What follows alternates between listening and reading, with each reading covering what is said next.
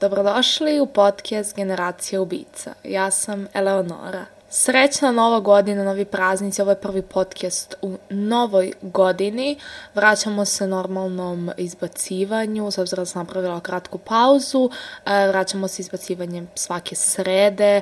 Ako imate predlog za neki slučaj kome želite da pričam, možete da mi pišete na Instagramu na @eleonora_vojnovski ili ostavite komentar na nekom od mojih videa na YouTubeu, isto Eleonora Vojnovski.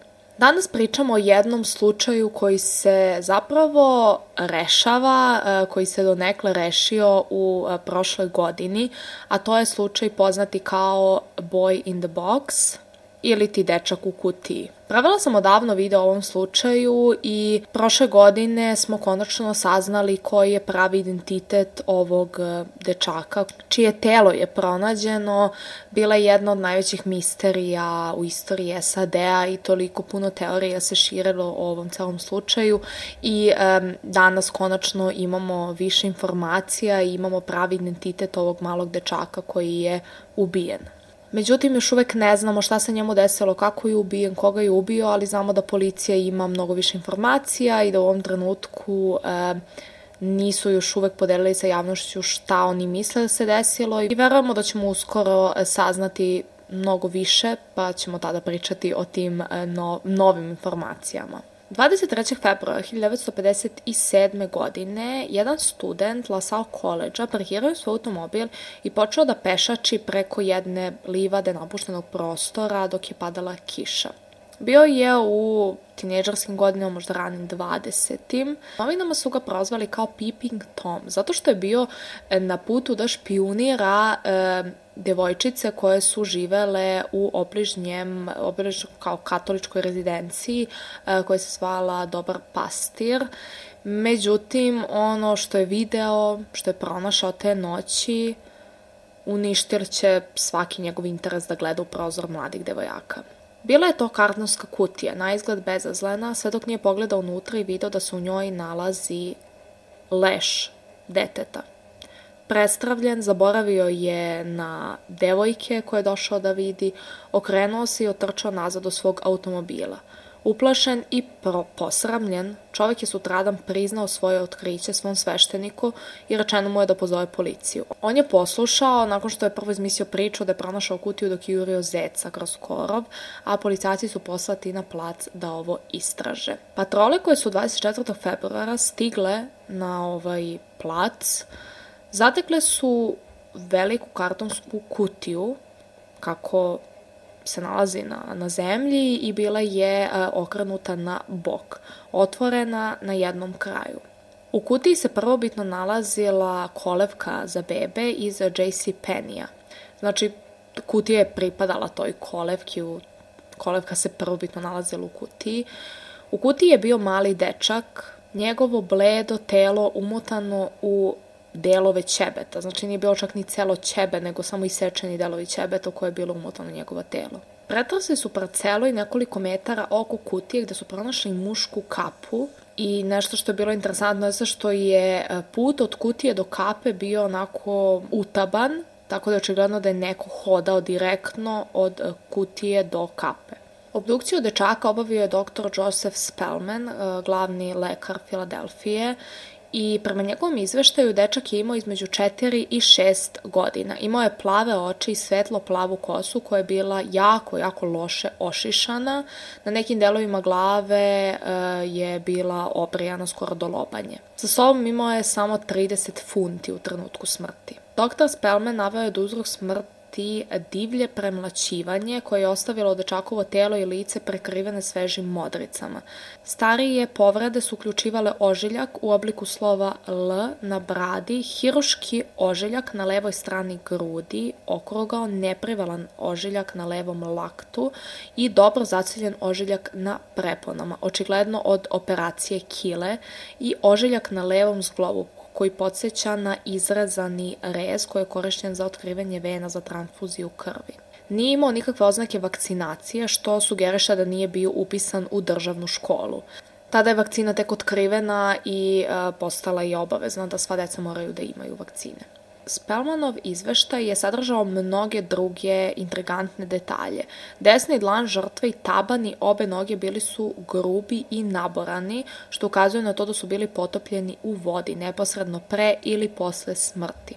Kada je izloženo ultraljubičastom svetlu, dečakovo levo oko fluorescira svetlu nijansu plave, što ukazuje na nedavno izlaganje diagnostičkoj boji koji se koristi u lečenju hroničke, hronične bolesti oka. Spelman je dečakovu smrt prepisao traumi glave, verovatno naneto i tupim oruđem, ali nije mogao da isključi da je šteta nastala pritiskom, što je navelo neke od istražitelja da sugerišu da je smrtonosnu štetu naneo neko ko je stisnuo dečakovu glavu kada je dobio poslednju um, užasnu frizuru.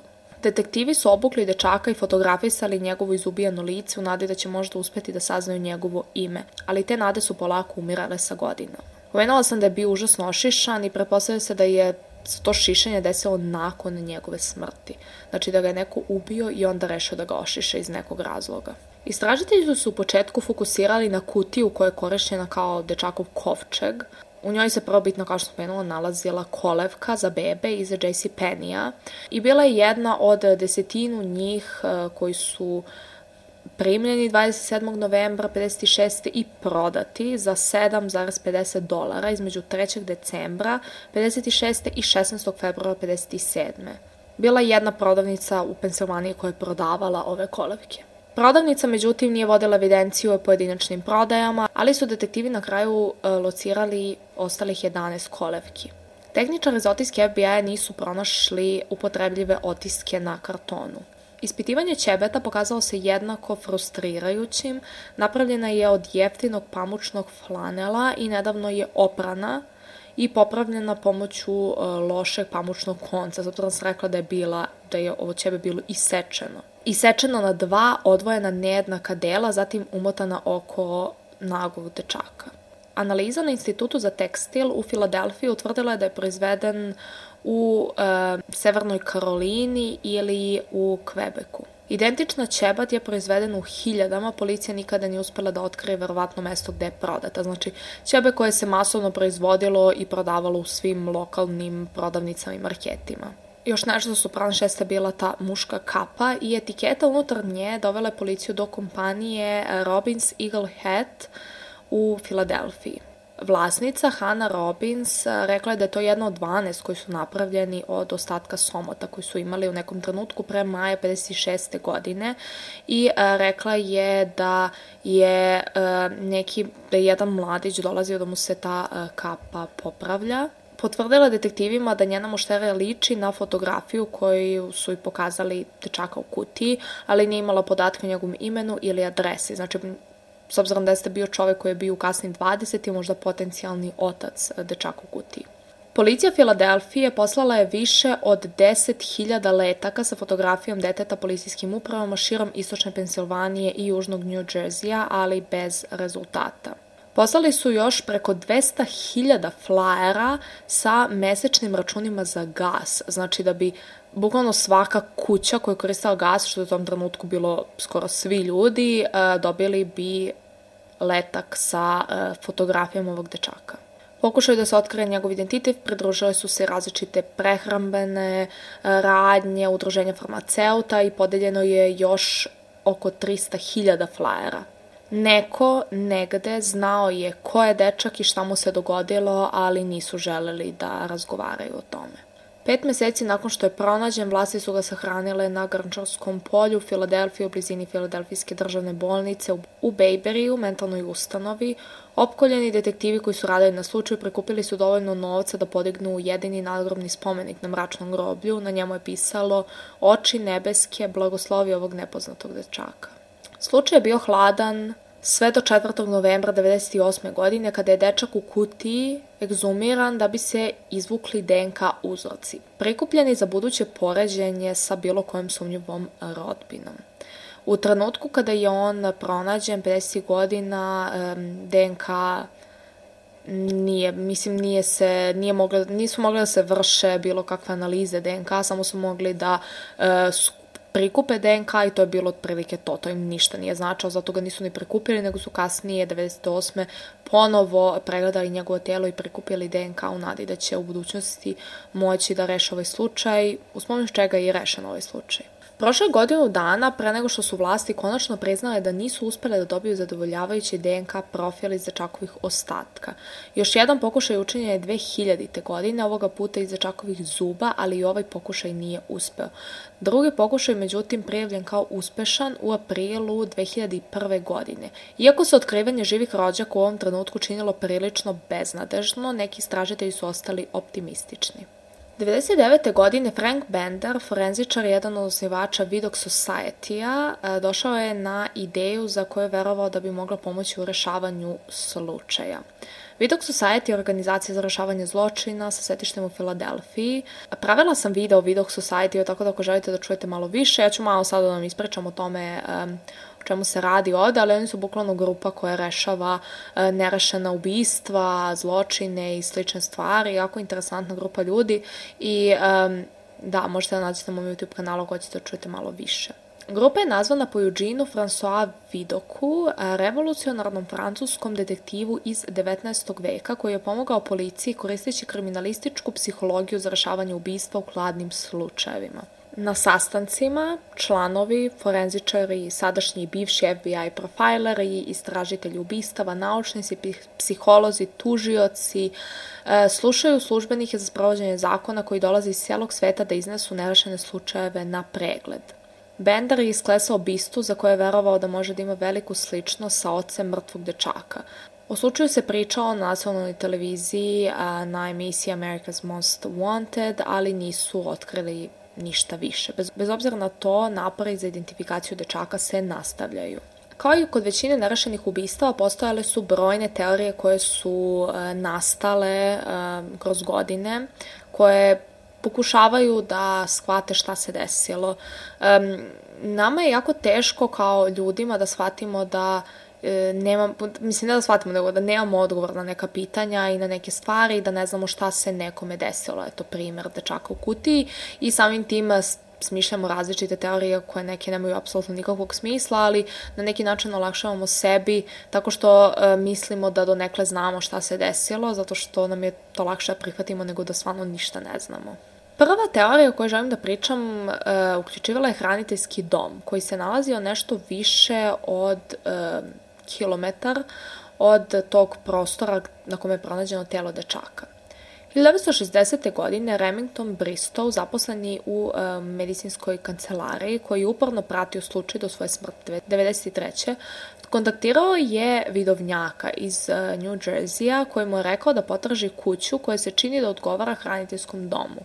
Kada je vidovnjak došao u grad, odvela je Bristow pravo do kuće.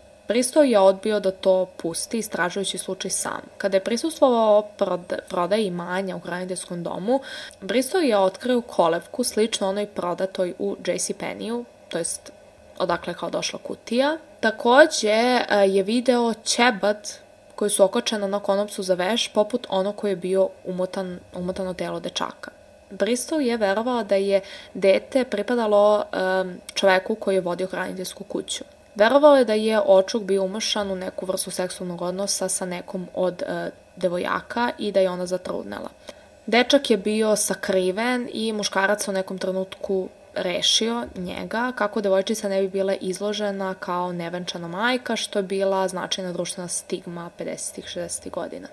Ovo je kuća u kojoj je bilo od 5 do 25 hraniteljske dece, znači kuća koja je uvek bila puna dece i e, ne bi bilo nemoguće da je tu bilo i neko dete koje je bilo njihovo, to jest koje nije bilo hraniteljsko dete i koje je tu živalo određeni vremenski period i onda je bilo tarašano, niko ne bi primetio da tu neko dete fali ili da je tu, da nije tu, zato što je bilo uvek puno dece i samo su se deca menjala zato što hraniteljske porodice tako funkcionišu. Uprko svim posrednim dokazima, policija nije uspela da pronađe bilo kakvu stvar stvarnu vezu između porodice i dečaka u kutiji. 98. godine površnik policije Filadelfije uh, Tom Augustin, koji je dalje zadužen za istragu i nekoliko članova vidog društva, intervjuisali su očuka i čerku, uh, koju inače on oženio, što je podržao malo ovu teoriju. Uh, čini se da im je intervju potvrdio da porodica nije umešana u slučaj nakon DNK testa koji je isključio da je um, on otac deteta ili da je e, ta njegova žena majka deteta, istraga o teoriji hraniteljstva je zatvorena. Druga teorija pojavila se u februaru 2002. godine, a prijavila je žena identifikovana samo kao M. Tvrdila je da je njena nasilna majka kupila nepoznatog dečaka po imenu Jonathan od njegovih roditelja u leto 1954. godine. Mladić je dve i po godine bio izložen ekstremnom fizičkom i seksualnom zlostavljanju. Njena majka je tada navodno ubila dečaka u naletu besa kada je povraćao u kadi. Žena je potom ošišala dečakovu dugu kosu i bacila telo na osamljeni napušten prostor. M je dalje rekla da je, dok su se spremali da izvade telo dečaka iz prtljažnika, vozač u prolazu stao pored njega da raspita da li im je potrebna pomoć. Ignorisali su ga i on se na kraju odvezao. Ova priča je potkrepila poverljivo svedočenje jednog svedoka 57. godine. Policija tu priču smatrala prilično uverljivom, ali je bila uznemirena svedočenjem M, jer je ona imala istoriju mentalne bolesti. Međutim, kada su intervjuisani komšije koji su imali pristup kući, poricali su da je tamo živeo dečak i rekli su da su tvrdnje M smešne.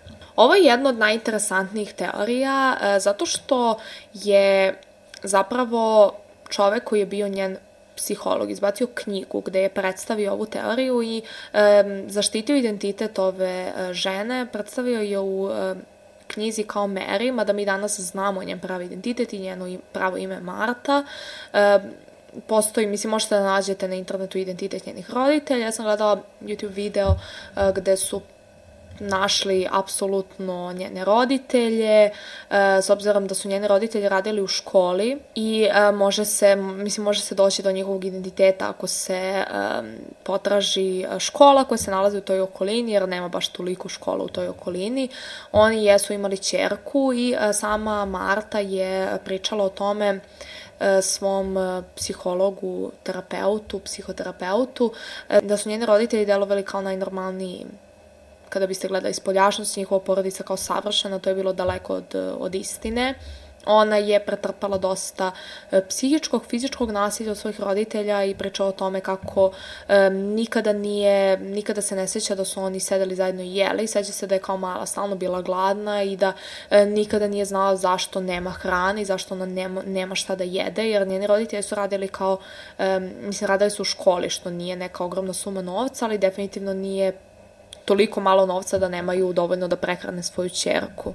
Jako čudna dinamika u njihovoj porodici i um, ona je predstavila tu priču što sve ima smisla, sve se poklapa uh, i to što je ona rekla da je ime tog dečaka Jonathan, što je toliko blizu njegovog pravog imena, što je Joseph, što je jako creepy, jer kao toliko slične imena, ona je takođe bila tad jako mala, tako da postoji mogućnost da nije potpuno uhvatila kako se on zapravo zvao. I ono što je ona rekla jeste da nije pričao. E, verovatno ima autizam, s obzirom da je to jedna od, e, jedan od znakova autizma, jeste kada dete e, koje je već onako poprilično veliko ne razgovara, e, da je to autizam i pretpostavlja se da je on imao autizam i da je to možda razlog zašto su se njegovi roditelji otarasili deteta zato što ima autizam po uh, Martinoj priči, ona, ona danas više nije živa, kao, mislim, nema ni svoju decu njeni roditelji nisu više živi, zato uh, se njen identitet više ne štiti, zato što više nije živa, kao nema, nema svrhe nikakve da se štiti identitet nekoga ko nije živ, niti će vesti o tome da je ona podelila ovu priču, bilo kako uticati na porodicu, zato što nema nikakve porodice koja je živa, koja je bilo bilo kakvom bliskom kontaktu sa uh, Martom. Ona je tvrdila da je njena majka kupila Jonathana, to jest Josefa, ako možemo tako da potvrdimo, još uvek ne znamo da li je ovo ono što se stvarno desilo i mislim da je jako interesantno što um, su ljudi poricali da su te stvari se tamo desile zato što je navodno Marta bila e, mentalno bolesna. Međutim, ako je ona mogla da se stara samo o sebi, ona je na kraju završila nekoliko fakulteta, imala nekoliko diploma, imala dobar posao, teško mi je da poveram da imala teških mentalnih problema i uspela da e, se izvuče iz cele, cele te situacije i da živi normalnim životom, zato što da imala ozbiljnih mentalnih problema, to ne bi bilo baš tako. Ali u to vreme su i mali mentalni problemi bili mnogo uh, E, skandalozni. Ljudi tada nisu javno pričali da imaju anksioznost, depresiju. E, mislim, danas je skroz društveno prihvatljivo i ok je da kažete gde god da imate mentalnih problema, to nije ništa nešto sada neverovatno, dok je tada bilo jako sramotno i niko nije pričao o svojim problemima, tako da je moguće da je ona imala depresiju ili anksioznost, da imala napade panike, nešto što danas ima toliko puno ljudi i toliko puno ljudi je ok da priča o tome i prosto mi je neverovatno da sada da ne verujem onome što ona priča samo zato što je imala mentalnih problema. Ovo je sasvim moguće se desilo i mi nismo sigurni da li se nije desilo, ali ovo je teorija u kojoj ja verujem, a kasnije kada vam budemo otkrila njegov identitet i kako smo došli na njegov identiteta, bit će vam jasno o čemu se radi. 2016. godine dva pisca, jedan iz Los Angelesa, Jim Hoffman i drugi iz New Jerseya, Luis Romano, verovali su da su otkrili potencijalni identitet iz Memfisa u Tennessee-u i zatražali da se DNK uporedi između članova porodice i deteta.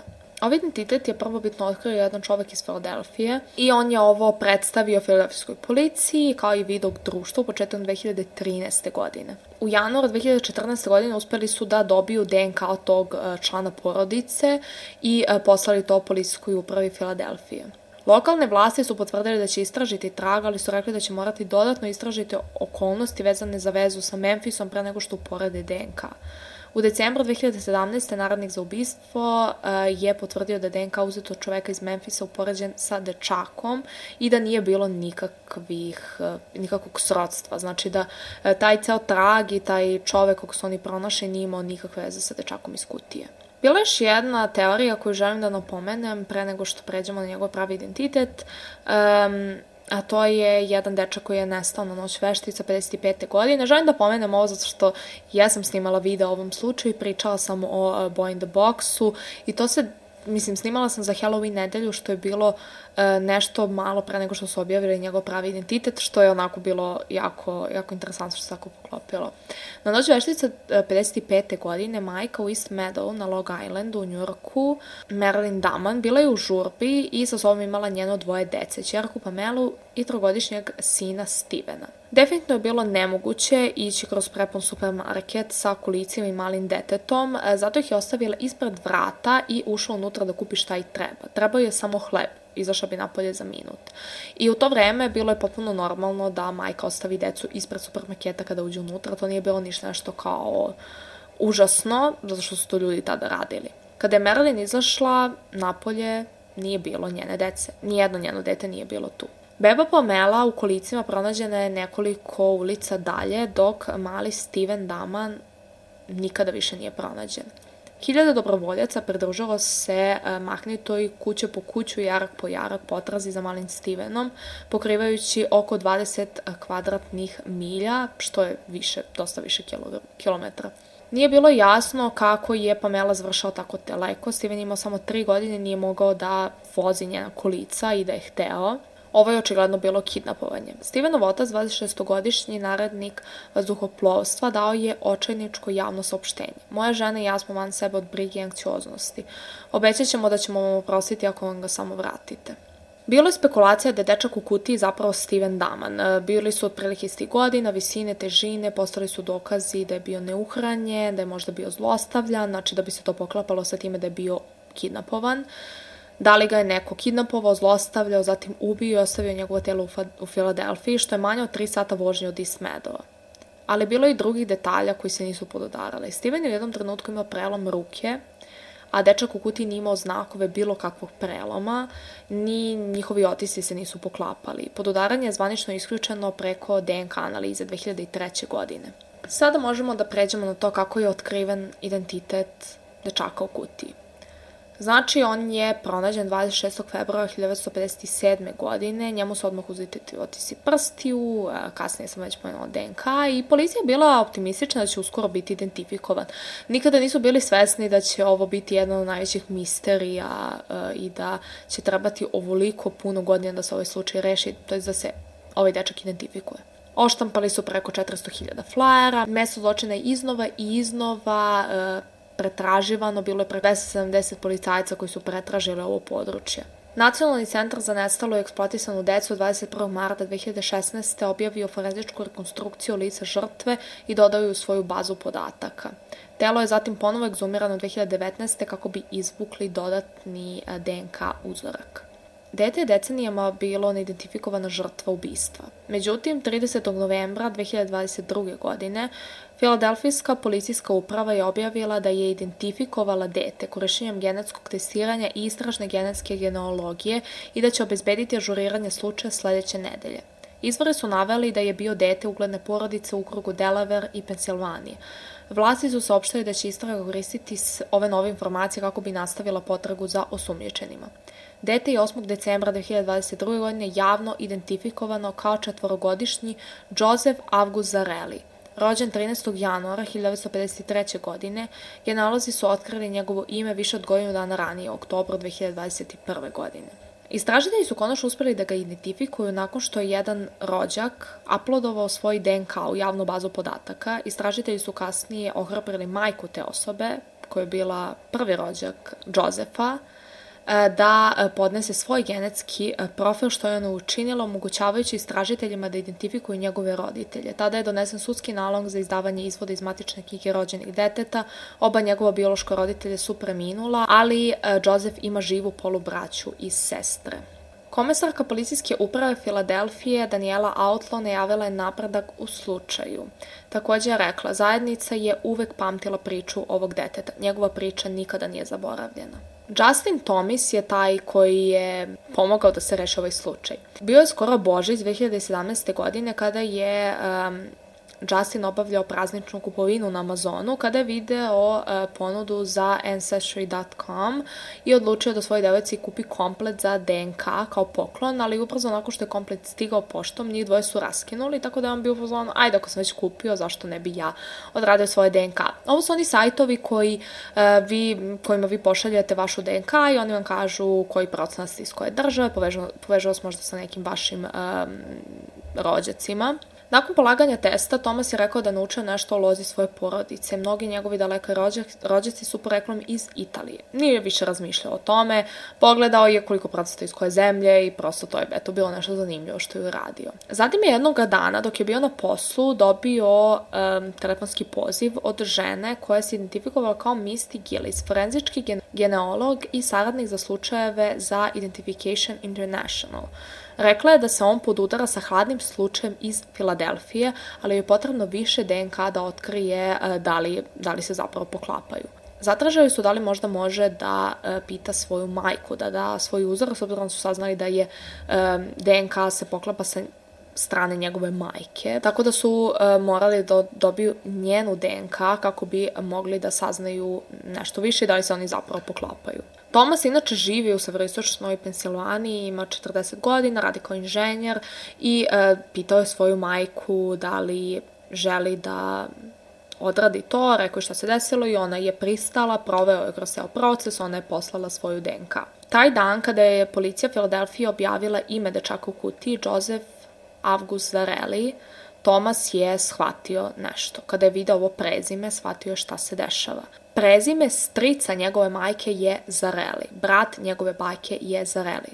Porodica Zarelli živela u zapadnoj Filadelfiji pre nego što se preselila u okrug Delavera. Njegova porodica veruje da je dečak prvi rođak njegove mame, da su oni baš u bliskom srodstvu.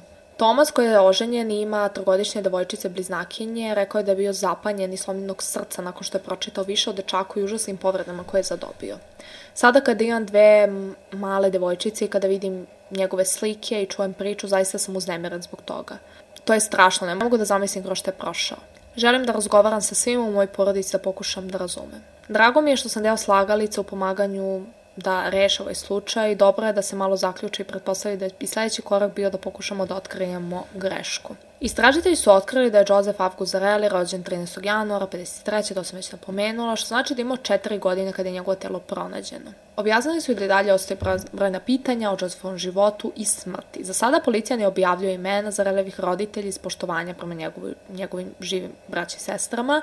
Takođe su odbili da spekulišu o tome ko je ubio Josefa, iako su istakli da imaju svoje sumnje. Ovo je još uvek aktivna istraga u ubistvu i još uvek nam je potrebna pomoć javnosti da popunimo priču u ovom detetu. Ova objava zatvara samo jedno poglavlje u priče ovog malog dečaka, otvara novo. Znači, istraga je u toku i zbog toga ne mogu da dele baš sve stvari. E sada, da pričamo malo o tome šta se ovde dešava. E, ko je Joseph?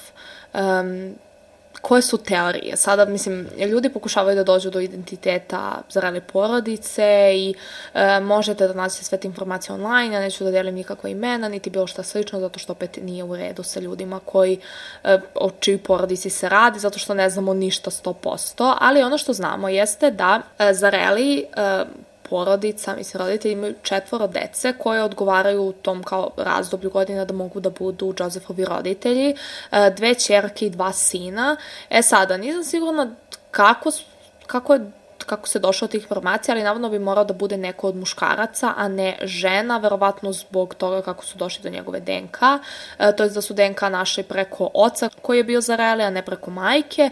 E, uglavnom znamo da je otac e, deo porodice Zareli, znači neki od dva sina.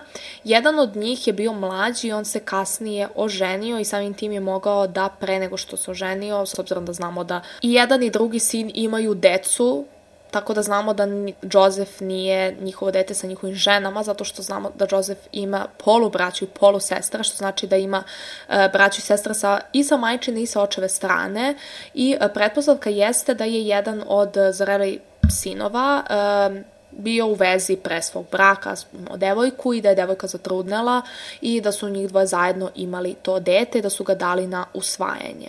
Ili da su ga možda oni čak prodali, to već ne znamo, ali da su ga dali na usvajanje ili su možda pokušali da čuvaju dete, ali s obzirom da je imao e, problema, imao je autizam, um, mislim, ta pretpostavka da ima autizam jeste iz Martine priče, ali ja neko to sve zajedno povezam zato što mi ima smisla, da su ga oni dali na osvajanje i, i e, da je onda Martina porodica ga ili usvojila ili su ga uzeli kao hraniteljsku porodi, kao hraniteljska porodica su ga primili ili je možda zapravo on završio u onoj hraniteljskoj kući iz starta priče, oni su bili ubeđeni da je on e, njihov sin, a kada su predali DNK shvatili su da nije, međutim možda je bio samo hraniteljsko dete u toj porodici, mada meni je ova Martina priča jako um, deluje mi kao da se stvarno desila. Deluje mi kao da iz svih detalja koje ona daje u toj knjizi uh, zvuči kao da stvarno jeste to ono što se desilo. Um, tako da ne znam da li bi možda moglo tako nešto da se desi, to je da je da su oni ili da, dali dete na usvajanje ili ga na kraju priče prodali, mada mi to onako delo je jako, jako jako čudno. Možda su želeli da e, tajno daju dete, možda iz tog razloga su ga prodali kako ne bi prošli kroz ceo taj proces usvajanja. E, na Redditu sam videla da su pronašli e, jednog čoveka uh, koji se zvao isto kao i Joseph, to jest uh, koji se zvao samo August uh, i onda kao zato bi Joseph August bio, da mu je možda to otac. On je umro 2014. godine i moglo bi da se poklopi sa time da je, im, da je kada je bio mlad imao Josefa, da je dobio sina. E, sada postoje se pitanje da li on možda uopšte, da li on uopšte znao za to dete. U to vreme definitivno e, su vambračna deca bila tabu tema, tako da su možda želi da prikriju to da su dobili dete u vambračnoj zajednici i e, takođe abortus nije bio nešto što je bilo normalno, mislim danas ga pretvaraju kao nek, nešto nenormalno, ali tada je bilo apsolutno ilegalno i bilo jako opasno za ženu da pokuša uopšte to da izvede zato što e, će moći da ostane sterilna ili da, ne di Bože, umre. Definitivno je jako interesantno istraživati o ovoj porodici, o tome šta, šta se ovde dešava, iako će policija verovatno nadam se u budućnosti objaviti više informacije i znaćemo e, šta se zapravo ovde dešavalo i ko su njegovi pravi roditelji, jer mislim da je to ono što sve ljude interesuje, da saznaju da li se povezuju sa nekim od teorije i kako je on preminuo, ko je odgovor za to, da li su ga roditelji ubili, e, mada mislim da Zarele porodica nije osumnjičena. Mislim da oni nisu osumnjičeni, su bilo šta počinili, iako njegovi roditelji jesu mrtvi i mislim da e, i saznamo šta se njemu desilo, nikad nećemo da znamo 100%, zato što mislim da ljudi koji su ga ubili nisu više živi. E, zato što se ovo desilo davno i uglavnom ljudi koji su danas živi jesu ljudi koji su sličnih godina kao i Joseph. Joseph je probitno bio sahranjen uh, u Grčanskom polju um, i 98. je ponovo sahranjen u Ivy Hillu u Filadelfiji. I zapravo je jako lepo zato što je kovčeg nadrodni spomenik kao i sahranu donirao sin čoveka koji je sahranio dečaka 57. godine. Svi su prisustvovali toj njegovoj sahrani ponovno i meštanik grada čuvaju taj grob okićen cvećem i igračkama. Veliki nadgrobni spomenik koji je prvi put postavljen sadržao je reči nepoznato dete Amerike danas, 13. januara 2023. godine, što bi bio Josephov 70. rođendan, otkriven je novi spomenik koji sadrži njegovo puno ime i sliku zajedno sa dodatkom njegovog imena na postojeći nadgrobni spomenik. Iskreno mi ovaj ceo slučaj daje nade da će se u budućnosti sve više e, ovakvih slučajeva rešavati, što je jako dobro, zato što želimo da se hladni i nerešeni slučajevi rešavaju. I nadam se da će se i ovaj slučaj potpuno rešiti, ćemo znati šta se desilo ovom dečaku, iako kažem, mislim da su njegovi počinitelji mrtvi, da su se izvukli sa ovim što su uradili, ali verujem u karmu i um, posle smrti. Mislim da će to ono da nam malo olakša e, da znamo da su ti ljudi živeli e, nakon što su ubili brutalno ovog dečaka. Interesuje me šta vi mislite i koja je vaša teorija, da li verujete Martinoj teoriji ili mislite da je možda teorija hraniteljske porodice logičnija i e, da li mislite da su možda Zareli nekako umešani u njegov, njegov ubistvo ili mislite da su oni samo njegova porodica i da su ga prodali i dali na usvajanje. Pišite mi na Instagramu ili na YouTubeu, volio bih da čujem vaše mišljenje. Ovaj slučaj je toliko neverovatan i iskreno mogu da provedem sati i sate razmatrajući i pričajući o svemu ovome. Preporučujem da istražite za sebe. Ima dosta e, videa na YouTubeu, sada o novom updateu e, gde ima puno informacije generalno možete sve informacije naći online zato što su to sve javne informacije o uh, identitetu svih ovih ljudi, ali ne, kao što sam rekla neću deliti uh, imena niti bilo što slično iz poštovanja uh, porodice, tako da da, čekamo da vidimo šta će objaviti policija i kako će se kretati ovaj slučaj. Kao što vidite, poslednje vesti su 13. januara što je bilo relativno skoro, pre par dana, tako da verujem da će se još stvari dešavati i da ćemo saznati više. Policija sada ne deli informacije zato što nemaju e, nikakvu svrhu da deli informacije. Verujem da će podeliti sa nama sve čim budu saznali e, više informacija i kada budu smatrali da je ok da podelite informacije. Mislim, oni su za identitet ovog dečaka saznali još 2021. a još od godina ranije oni to testiraju, tako da verujemo da znaju mnogo više nego što mi znamo i da ćemo uskoro saznati e, više informacija. Uglavnom, to je to što se tiče e, današnjeg podcasta. Nadam se da ste uživali i da vam je bilo interesantno da čujete o konačno rešavanju nekog hladnog slučaja nakon toliko godina. Ako vam se dopao ovaj podcast, obvezno me rejtujte na Apple podcastu i, ne znam, zapratite na svim ostalim platformama. Zapratite moj YouTube kanal, zapratite na društvenim mrežama, Instagramu i TikToku, Eleonora Vojnovski na svim društvenim mrežama. Hvala vam puno za što ste slušali ovaj podcast i ako želite da podržite moj podcast kao YouTube kanal, možete da mi se pridružite na Patreonu kako biste dobili raniji pristup podcastima i videima. To je bilo sve za danas. Hvala vam još jednom što ste slušali, a mi se vidimo sledeće srede sa novom epizodom podcasta Generacija ubica. Ćao!